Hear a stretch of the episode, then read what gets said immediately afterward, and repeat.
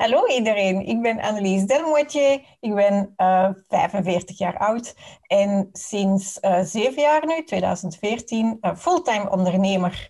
En als de meeste mensen mij vragen, uh, omschrijf jezelf en je bedrijf in één woord, dan zeg ik atypisch. Want ik doe het niet volgens de geëikte paden of volgens de regeltjes of zoals iedereen denkt dat het hoort. En nu blijkt dat ik mij omringd heb door allerhande en heel veel atypische ondernemers, die ik graag in deze podcast één voor één aan het woord laat. Veel plezier. Ik wil jou vandaag interviewen voor mijn podcast en mijn YouTube-kanaal Atypisch Ondernemen. Uh, jij bent mijn copywriter en ik vind dat jij ook een atypische onderneemster bent. Jij doet het net iets anders dan jouw uh, conculega's. En ik wou beginnen met, met wie ben jij eigenlijk? Stel jezelf uh, eventjes voor. Ja, uh, ik ben dus Lies Tielemans. Ik ben ondertussen 50 jaar. En uh, ja, ik heb al heel wat carrière-switchen gehad. Dus ik heb uh, 16 jaar lesgegeven. Ik gaf Nederlandse geschiedenis en Latijn. Dan ben ik 12 jaar echt meegestapt in het bouwbedrijf van mijn man. Om dan uiteindelijk nu al mijn vijfde jaar zelfstandige te zijn, copywriter, waarvan drie jaar fulltime. Dus ja, ik heb toch al wat waters, professionele watertjes doorgenomen. Ja, en wat doe jij dan juist als copywriter? Voor wat als... de mensen zo bij jou terecht? Als copywriter uh, werk ik vooral voor zelfstandigen en KMO's. En ik zorg gewoon voor de schriftelijke communicatie, enkel wel in het Nederlands. Ik zorg gewoon dat hun boodschap duidelijk is naar, naar de buitenwereld. Dat kan dan een nieuwsbrief zijn, dat kan een Facebookbericht zijn, dat kan een webpagina zijn, een hele website. Eigenlijk gewoon alles wat ze maar willen vertellen aan klanten, leveranciers, uh, soms interne personeel, uh, dat kan ik voor hen verwoorden. Dus uh, vijf jaar lang ben je al ondernemer? Oh, wel, ja, dus ik heb dat dan twee jaar in bijberoep gedaan, tot als ik voelde van ja, de opdrachten bleven maar binnenkomen, van dit kon niet meer gecombineerd worden. En zo heb ik dan uiteindelijk na, goh, uh, heb ik eigenlijk zelf mijn eigen ontslag uh, geregeld in het bouwbedrijf van mijn man. En dat was echt wel, ja, ik ben van mijn 21 al loontrekkende. En ik moet zeggen, van op dat moment pas voelde ik mij echt, ja, Lies, de tekstbewerker. Want ja, zo heet mijn bedrijf uiteindelijk, de tekstbewerker. En heb ik die klik kunnen maken in mijn hoofd van, that's me. En daar ben ik heel blij voor, uh, nog altijd. Fijn, hè? En waarom wou je dan ondernemer worden? Ja, uh, ik ben, het heeft altijd wel in mijn bloed gezeten. Mijn ouders zijn ook ondernemers. Die zaten allee, zelfstandig wel in de bank- en verzekeringssector. Maar ja, ik ben als kind ook zo opgegroeid. Hè. Uh, werken van 9 to 5 zat er nooit niet in. Zelf als ik les gaf, was het niet gewoon de uurtjes kloppen, maar was het ook extra's buiten activiteiten doen, buiten de schooluren. Dus het heeft er eigenlijk altijd al in gezeten. En dan ben ik mijn man tegengekomen, die ook al heel zijn leven zelfstandig is. Dus ja, ik heb eigenlijk uh, niks anders gekend. Um, dus misschien ook de reden waarom dat ik uiteindelijk op school ben vertrokken hoor. Dus, uh, ja. Bloed kruipt waar het niet gaan kan. Hè? Ja. Wat is er um, typisch aan het beroep van copywriter? Atypisch. Nee, gewoon nee, typisch. typisch. En dan... typisch. Ja, typisch, typisch is van ja, dat je toch wel een, een vlotte pen hebt. En uh, ja, wat moet je kunnen doen als copywriter is echt wel uh, je kunnen inleven in elk, eender welke situatie. Want bijvoorbeeld vandaag ben ik uh, al een hele tijd dag bezig met een website te schrijven over reinigingsproducten in de bouwsector.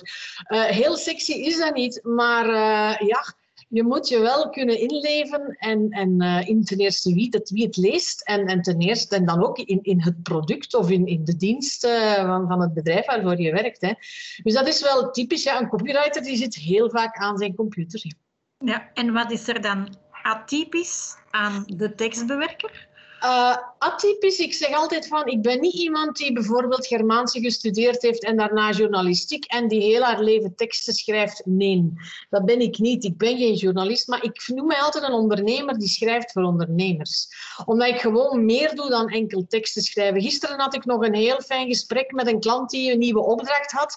Uiteindelijk heeft dat gesprek bijna een uur geduurd, maar gewoon, wij hebben zo, allee, het ging over meer. Ik heb haar ook tips gegeven wat dat zij kon doen in haar onderneming en zo. Het gaat om meer. Ik heb echt al klanten die mij bijvoorbeeld vragen, Lies, wanneer past het is om gewoon eens een, klapje te doen? Allee, een klapje, uh, te, of te vragen van, Lies, ik heb een idee, wat denk je daarvan? Is dat iets voor mijn onderneming?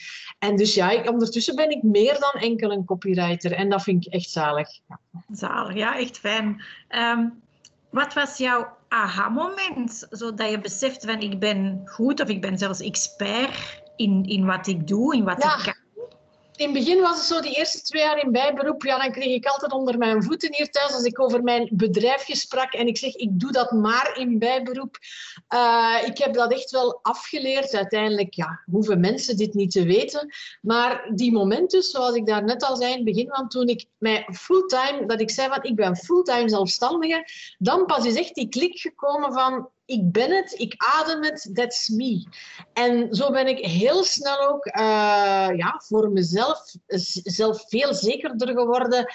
En ja, en nu durf ik echt wel zeggen dat ik er sta. Uh, ik weet wat ik kan, ik weet ook welke opdrachten ik niet moet aannemen. Maar uh, ja, ik, ik ben het uiteindelijk. En het is niet dat ik nog maar vijf jaar werk. Eigenlijk ben ik van mijn 21 jaar al aan het werken. Mijn levenservaring, die neem ik er heel, die, die, ja, die, die is er ook. Hè. Iemand van 50 jaar heeft echt wel al heel veel meegemaakt. En dat is net een van mijn kwaliteiten dat ik mee kan geven aan mijn klanten ook. Ik ben van de wereld. Allee, dat vind ik van mezelf. Dus, ja, ja, ja.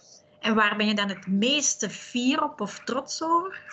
Trots over dat ik eigenlijk nog nooit een marketingactie heb moeten doen om opdrachten binnen te krijgen. Die blijven maar komen op een bepaald moment. Soms heb ik het gevoel van, oei, als ik deze drie opdrachten afwerk, dan heb ik geen orderboek meer.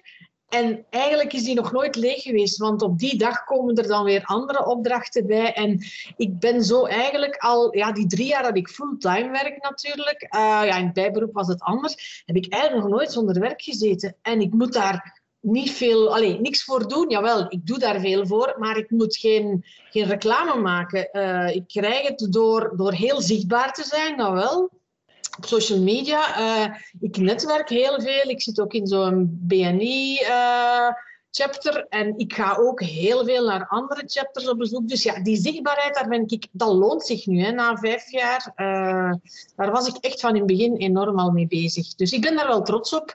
En ook vaak zo mensen die, dat mensen mij soms zo een foto doorsturen met een, een verschrijving, dat ze ergens zijn tegengekomen uh, en dat ze dan aan mij denken. En dat vind ik ook zo fijn. Dus, dat, ja.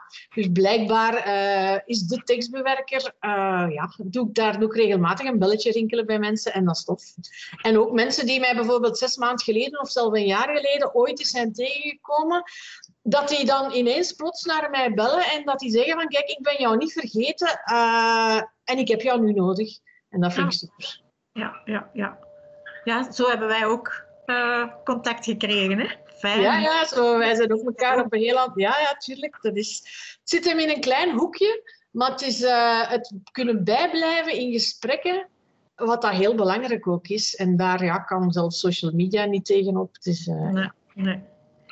Moest je vandaag jouw 18-jarige zelf tegenkomen, wat zou je dan willen meegeven aan jezelf over het ondernemerschap? Uh, durf groot te denken. Ik, uh, ook al waren mijn ouders zelfstandigen, toch ben ik tamelijk allee, braaf opgevoed, van, van voorzichtig opgevoed. Van, uh, dat is het eigenlijk. En ze hebben mij met hele goede bedoelingen van, van pas op en zorg, kies voor die zekerheid. Dus zij waren heel blij dat ik uiteindelijk gewoon ging les, gewoon dat ik ging lesgeven. En uh, dus maar dat durven springen, doe, allez, durf dat eigenlijk en het komt ook wel goed. Zie je dus op die, die manier. Maar dat zou ik eigenlijk wel zeggen van durf eens een risico nemen. Ik ben eigenlijk heel, een heel brave meisje geweest of dame geweest, zelf ook uh, heel plichtsbewust. Ik heb dat nog wel, maar zo dat durven springen en uh, ja, dat zou ik mijzelf op mijn 18 jaar toch wel gezegd hebben. Ja. Ja. Waarmee kunnen wij, de, de luisteraars of de kijkers van, van YouTube of de podcast, jou nog mee helpen? Ben je nog naar iets specifiek op zoek als ondernemer? Uh, ik omring me echt wel met heel waardevolle mensen. Ik heb uh, ook heel veel business. Ieder jaar uh, koop ik wel ergens een traject bij een of andere business coach. dus ja, ik en daar kom ik dan ook weer heel waardevolle contacten, deelnemers en zo verder tegen. Dus ik heb zo wel mijn hulplijnen, maar waar ik weet dat mijn zichtbaarheid heel belangrijk is en ja, waar mensen mee kunnen helpen is van like uh, de tekstbewerker op Facebook bijvoorbeeld, dan ga je mij regelmatig zien passeren.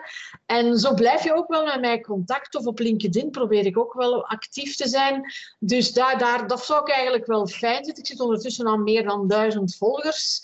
En ja, dus zo op deze manier weet ik ook, ook al ben ik, ga ik misschien nooit, ga je mij nooit uh, inschakelen. Ik weet dat het via via allemaal heel lukt en dat zou ik wel fijn vinden. Maar voor de rest heb ik echt wel al een goed team en heel veel mensen rondom mij die mij kunnen helpen met mijn vragen.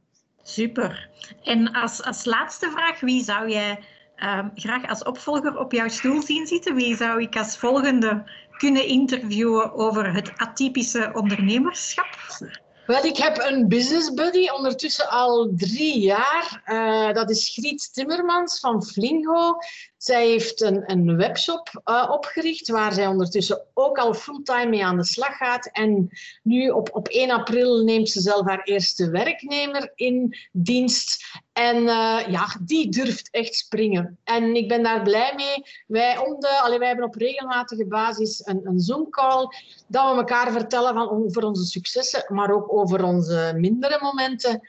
En uh, ja, ik ben zeker van dat zij ook heel waardevolle informatie kan geven aan uh, ja, jouw doelpubliek, jouw Super. luisteraars. Dan, uh, dan, stuur ik een invite naar Griet. Dankjewel dat we jou beter mochten leren kennen. En in ieder geval tot binnenkort, want ik schakel jou ook in, hè?